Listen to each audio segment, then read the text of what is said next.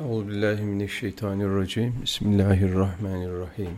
Ve minen nasi men ya'budullaha ala harfin fe in esabehu hayrun itmeenne bihi ve in esabetu fitnetun in kalebe ala veşi hasire dünya vel ahire zalike huvel husranul mübin sadakallahul azim İnsanlardan kimi Allah'a Celle Celaluhu bir yönden, bir kıyıdan kulluk eder.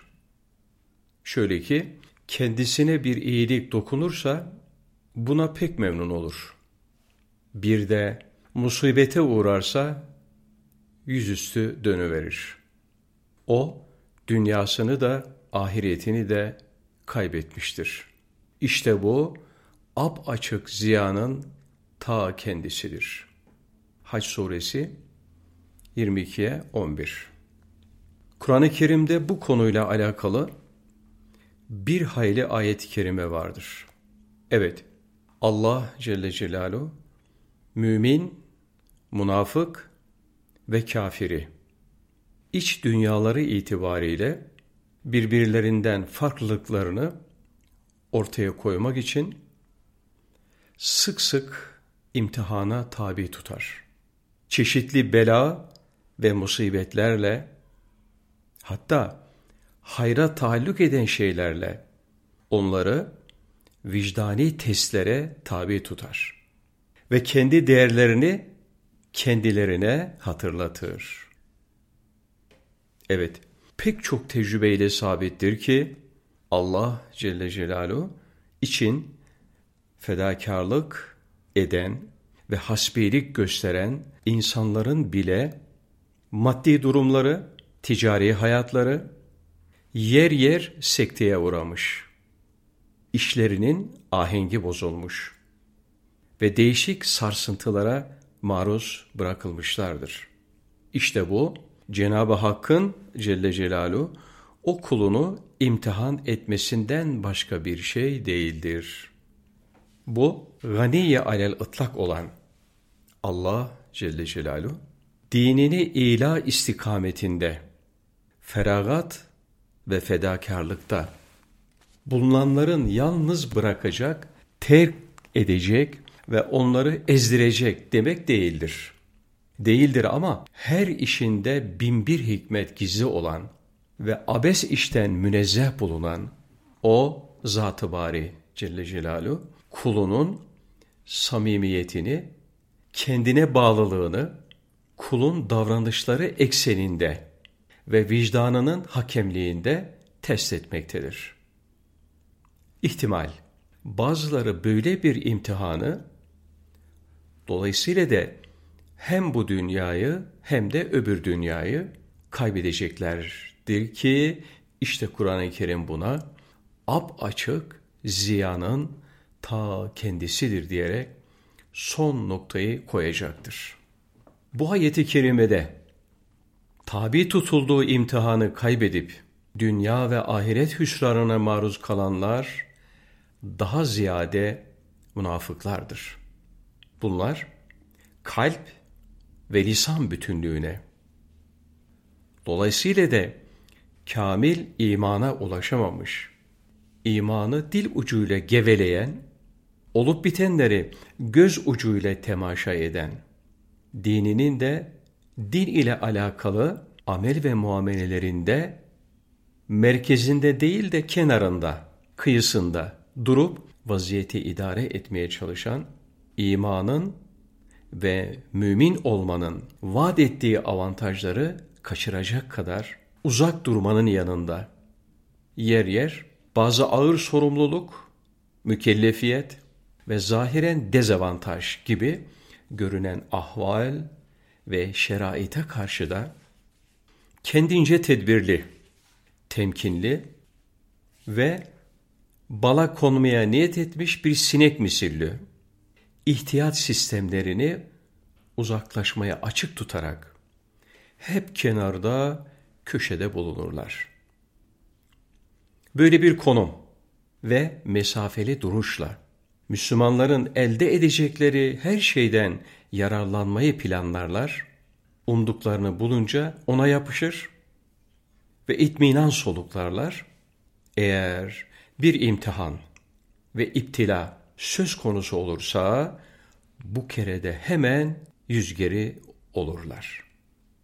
Her müminin her fırsatı mümin olmayacağı, her müminin her sıfatı mümin olmayacağı keşke olsa esasına göre bazı müminler de böyle münafıkça mülahazaların tesirinde kalabilirler.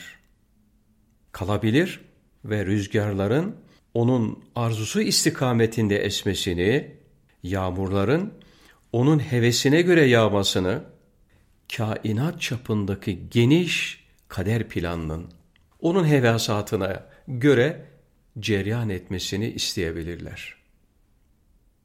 İlk dönemde bu kabil heves çocuklarının bulunduğu, bulunup da umduklarını elde edemeyince İslam'dan yüz çevirdikleri gibi günümüzde de pek çok iç kaymasının, başların dönüp duyguların bulanmasının bahis mevzu olabileceği kaçınılmazdır.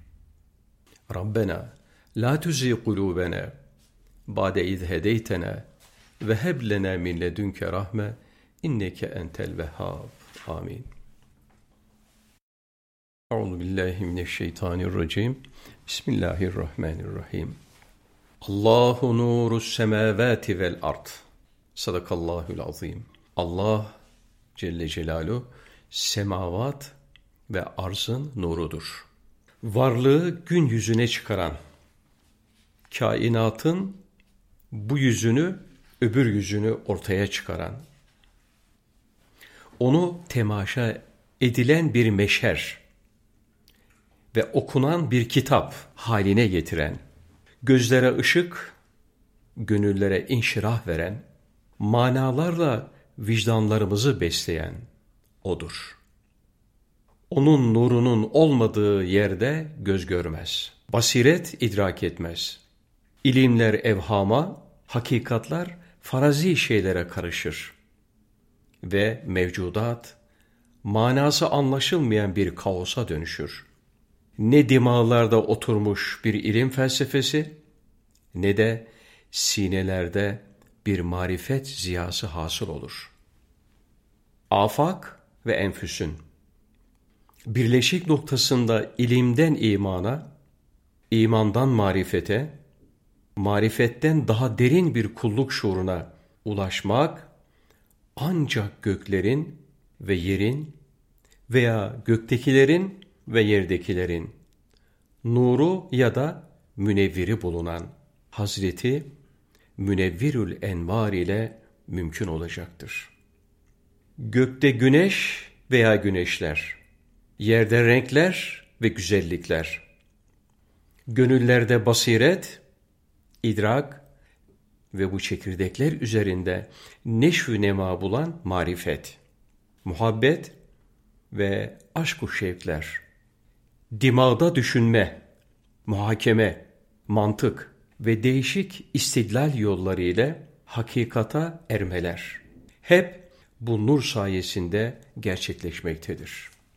İnsanın basarı, renkleri, renkler arasındaki tenasübü, her şeydeki ahengi ve umumi ahenk içindeki ezeli şiiri görür ve bir bilgi halinde kalbe havale eder.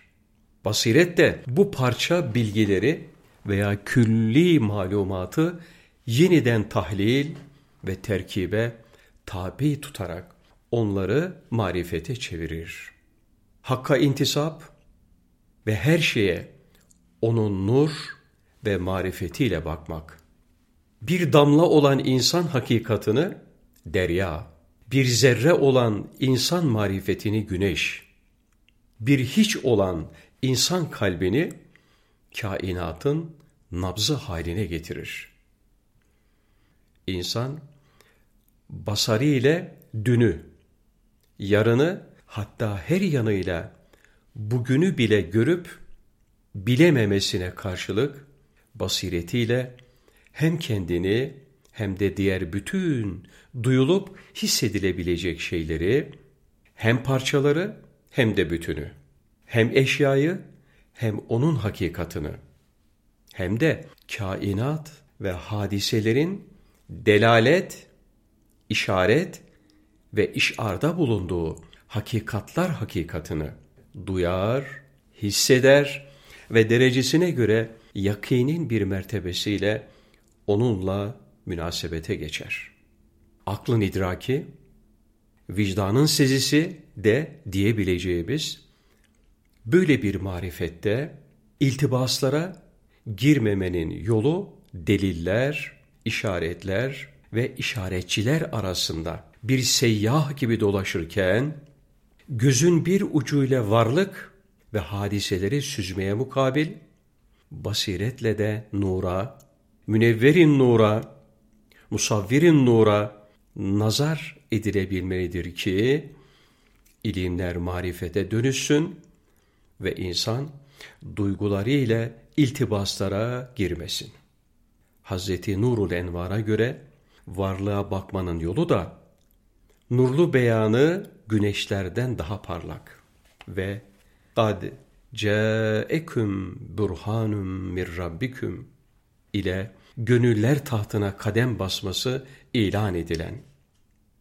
Ve ceale fiha siracen ve kameran münira fermanı sübhanesiyle gökteki aya ve güneşe mukabil dimalarımızın kameri ve vicdanlarımızın güneşi Hazreti Ruhu Seyyidil Enam'ın sallallahu aleyhi ve sellem mişkat-ı nübüvveti altında her şeyi görüp değerlendirmektir.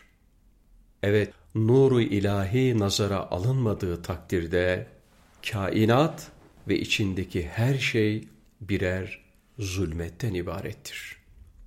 Hazreti Nurul Envar mülahazaya alınarak bakıldığı takdirde ise görünür görünmez bütün eşya aydınlanır ve hakiki mahiyetleriyle talakatlı birer beyan haline gelirler.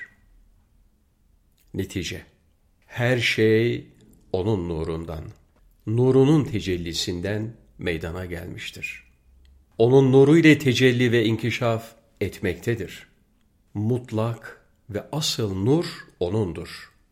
Ondan başkasına nur isnadı ya havasın mecazı ya da avamın cehaletidir. Herkes bunu böyle bilmiyorsa, bu onun zıttı ve niddi olmamakla beraber şiddetli tecelli ve müzahemesiz vicdan ufuklarındaki kemiyetsiz, keyfiyetsiz zuhurundandır.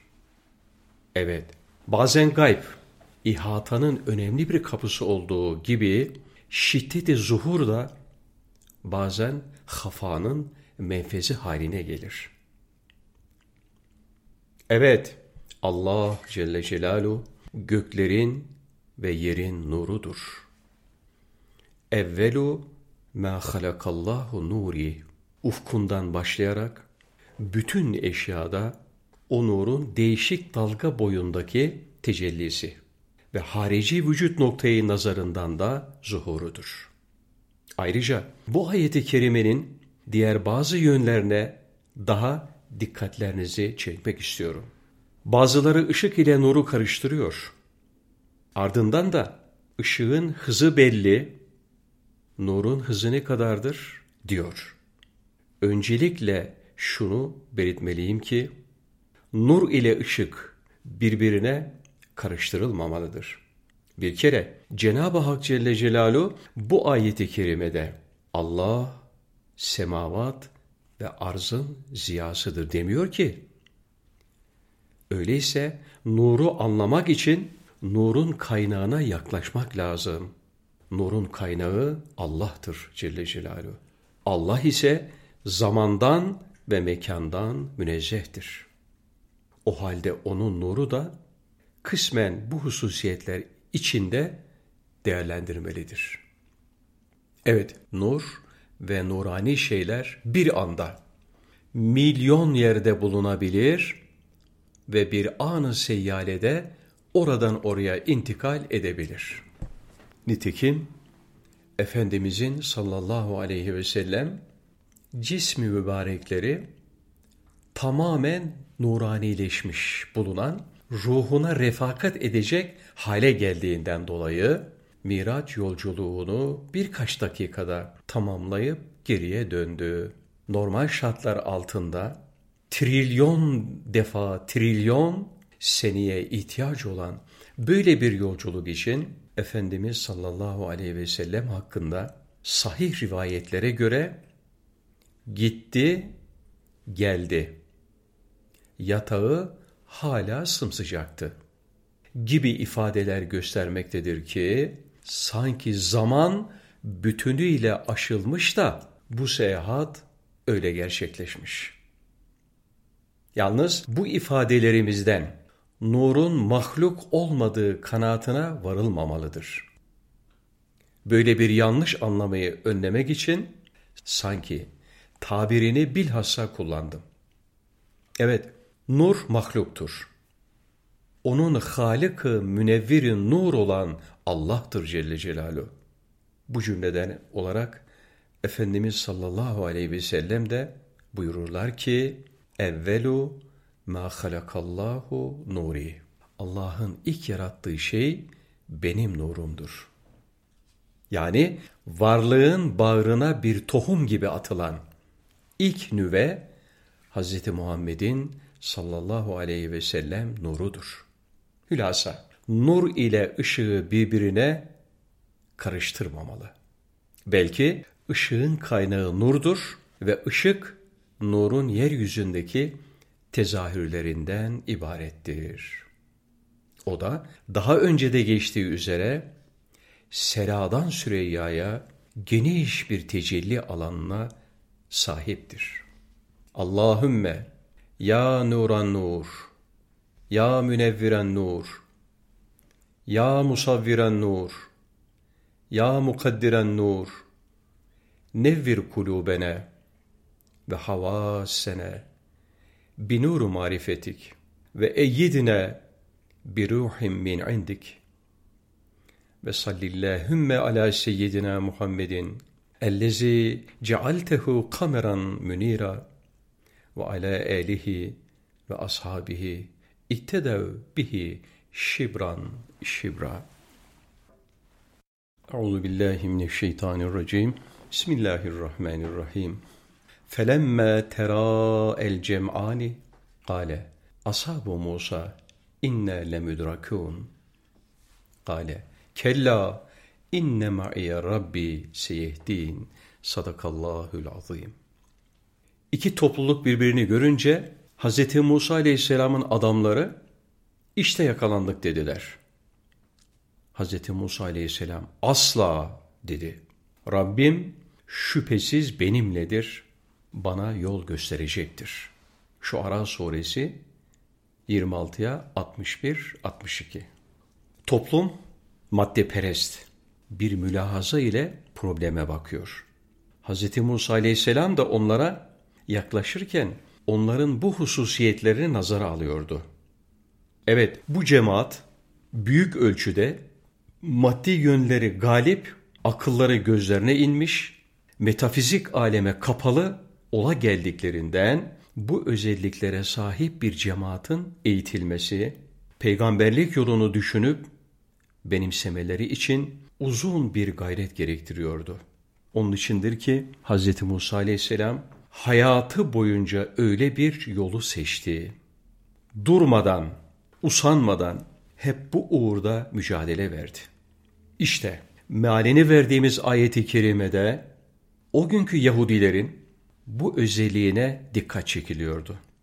Firavun orduları onları takip ettiği esnada Kızıldeniz harikuladeden onların geçmesine imkan verecek tarzda yarılmış işte tam bu sırada bile Yahudiler bütün bunların Allah'ın Celle Celaluhu kudretiyle ola gelen bir mucize olduğunu göz ardı ederek yakalandık deyivermişlerdi. bu madde perest cemaat karşısında Hz. Musa aleyhisselam tekitli bir cümleyle onlara inandırmak için Rabbim şüphesiz benimledir, bana yol gösterecektir diyordu.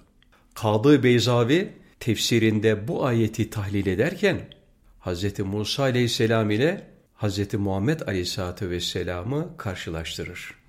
Böylesi bir tehlike ortamında Hz. Musa aleyhisselamın inne ma'iye rabbi seyehdin gelecek zaman kipiyle Rabbim bana yol gösterecektir sözü ile hicret esnasında mağaraya sığındıkları anda müşriklerin kendilerini görüp yakalama ihtimalinin belirmesi üzerine Hz. Ebu Bekir'in radıyallahu an endişelerine karşı La tahzen innallâhe ma'ana tasalanma, mahzun olma, Allah Celle Celaluhu bizimle beraberdir diyen Hz. Muhammed Aleyhisselatü Vesselam'ın sözlerini mukayese ederek Efendimizin sallallahu aleyhi ve sellem Allah'a Celle Celaluhu olan güveninin sınırsızlığı ile onun güveninin faikiyetine işaret eder. Hiç şüphesiz böyle bir uslupta Hz. Musa Aleyhisselam'ın muhatapları ile Efendimiz Aleyhisselatü Vesselam'ın muhataplarının tevekkül, teslim ve tefiz farklılığı da önemli bir sahiptir. Makamı sıddıkiyetin zirvesini tutmuş, peygamberinin dudaklarından dökülen her şeyi hiçbir tereddüde düşmeden kabul eden bir insana hitapla, elbette ki her meselede peygamberlerini sorgulayan bir topluma hitap aynı seviyede olmayacaktı ve olmadı da. Bismillahirrahmanirrahim. Bismillahirrahmanirrahim. Ve cealli lisane sıdkın fil ahirin. Ve cealni min vereseti cennetin naim. Sadakallahul azim. Bana sonra gelecekler içinde iyilikle anılmak nasip eyle. Beni naim cennetinin varislerinden kıl. Şuara suresi 26'ya 84-85 Hz. İbrahim aleyhisselam Rabbisinin kendisine ihsan ettiği nimetlerini ve sonsuz lütuflarını hakkıyla idrak eden bir insandır. Evet, bu seviyeli idrake göre her şey haktandır. Yediren O, içiren O, doyuran O, konuşturan O. Demek ki mutlak hakimde sadece ve sadece O'dur. İşte böyle bir idrak, beni arkadan gelenler arasında yadi cemil kıl diyorsa, bu duayı ona mutlaka Allah Celle Celaluhu ilham etmiştir. Diğer bir tabirle Allah Celle Celaluhu onun konuşan dili olmuş, dua ettirmiş, sonra da o duayı kabul etmiştir. Aslında kabul etmeyecek olsaydı bu duayı ona ilhamda etmezdi. Evet bu duayı kabul etmiştir diyoruz ve işte göstergesi. Müslümanlar olarak bizler namazlarımızda okuduğumuz her salavat-ı şerifede onu anıyor ve dualarımıza dahil ediyoruz. Burada önemli bir diğer hususta şudur. Bilindiği gibi peygamberler vefat ettiklerinde mal, mülk gibi şeyler miras bırakmazlar. Onların mirası davalarıdır. İşte kendisine kadar gelen peygamberlik silsilesinde kendi devri itibariyle çok şeyleri değiştiren ve bu yönüyle de bir müceddit, bir musla sayılabilecek olan Hz. İbrahim aleyhisselam o engin himmetiyle bütün insanlığa açılmak istiyordu. Nitekim kabul olan bu duanın gereği olarak da Rabbim onun bu isteğini gerçekleştirmiştir. Yani Hz. İbrahim aleyhisselam iki önemli sürgünle bütün insanlık için bir tuğba cennet haline gelmiştir. Oğullarından biri olan Hz. İshak aleyhisselam ile başlayan çizgide Hazreti Mesih'e aleyhisselam, Hazreti İsmail aleyhisselam ve onun soyundan Hazreti Muhammed Mustafa sallallahu aleyhi ve selleme kadar o hep örnek olmuştur. Evet, bu peygamberlerin her birinin dilinde Hazreti İbrahim aleyhisselam bir yadı cemildir. Ayrıca peygamberlik halkası Efendimiz sallallahu aleyhi ve sellem ile son bulmasına rağmen Hz. İbrahim aleyhisselamın anılması son bulmamıştır. Yukarıda da işaret ettiğimiz gibi ümmeti Muhammed aleyhissalatü vesselam ruhlarına içirilen Hz. İbrahim aleyhisselam sevgisi ve Hz. Muhammed'in sallallahu aleyhi ve sellem talimiyle namazlarda getirdikleri salavat-ı şerifelerle her zaman onu anmaktadırlar. Ve ihtimal bu duaların neticesi olarak da Hazreti İbrahim aleyhisselam Naim cennetinin varislerinden olmuştur. Son bir hususu hatırlatıp geçelim. Peygamberlerin eda ettikleri misyon ve ortaya koydukları davaları bir mefkure, bir ideal değildir. Hatta gaye de değildir. Bunların yani mefkure, ideal vesaire onların temsil ettikleri davaların büyüklüğünün yanında lafı bile edilmez. İşte ilahi bir memur olan peygamberler ve hassaten Hz. İbrahim aleyhisselam davasının kendi vefatı ile son bulmaması, son bulmayıp ilelebet payidar olmasının lazımı olarak sonraki nesiller içinde iyilikle anılmayı istemiş olabilir. Ve cealni min cennetin naim. Beni nimetlerinin nümayan olduğu cennetin varislerinden kıl. Talebi soyundan gelen enbiyayı izamla. Dünyada yanıltmaz vesileler ve kadirşinas varisler talep ettikten sonra bunca hayır vesilesiyle menşe ve peygamberlerin yürüdüğü şehrahda piştar olmasına rağmen maddi manevi bunca sebepten sonra neticeyi Hazreti Müsebbibül Esbab'dan bekleme. Cennetin mahsa bir lütuf olduğunu, onun amellerle elde edilemeyeceğini, Cenab-ı Hakk'ın rahmetinin enginliği sayesinde ve ısrarlı taleplerle nail olunabileceğini vurgulama bakımından çok manidardır. Euzu billahi mineşşeytanirracim. Bismillahirrahmanirrahim. İz kâle lehum ahuhum salihun ela tettekûn. Sadakallahul azim. Kardeşleri Salih aleyhisselam onlara Allah'a karşı gelmekten sakınmaz mısınız dedi. Şu Ara suresi 26'ya 142. Kur'an-ı Kerim'in kafir ve inansız olan kavimlere karşı gönderilen peygamberler için kardeşleri diye ifade etmesi sadece Hz. Salih aleyhisselam için bahis mevzu değildir. Aynı ifade ve uslub içerisinde Hud aleyhisselam, Şuayb aleyhisselam, Nuh aleyhisselam, Lut aleyhisselam gibi peygamberler de zikredilir. Burada gönderilen bu peygamberlerin o kabile içinden zuhur etmesine rağmen soy, sop, duygu, düşünce açısından onlardan biri olduğu anlatılmamaktadır. İhtimal böyle bir ifade o kavimdeki insanların kendi içlerinden çıkan ve adeta kardeşleri olan peygamberlere karşı onların şefkat hislerini ve peygamberin de onlara bakış tarzını ifade etmektedir. Yoksa Hz. Salih aleyhisselam nesep ya da din kardeşliği bakımından o kafirlerin kardeşi değildir. Ama o insan olarak onlardan biri onların üzerlerine titremesi açısından adeta kardeşleri.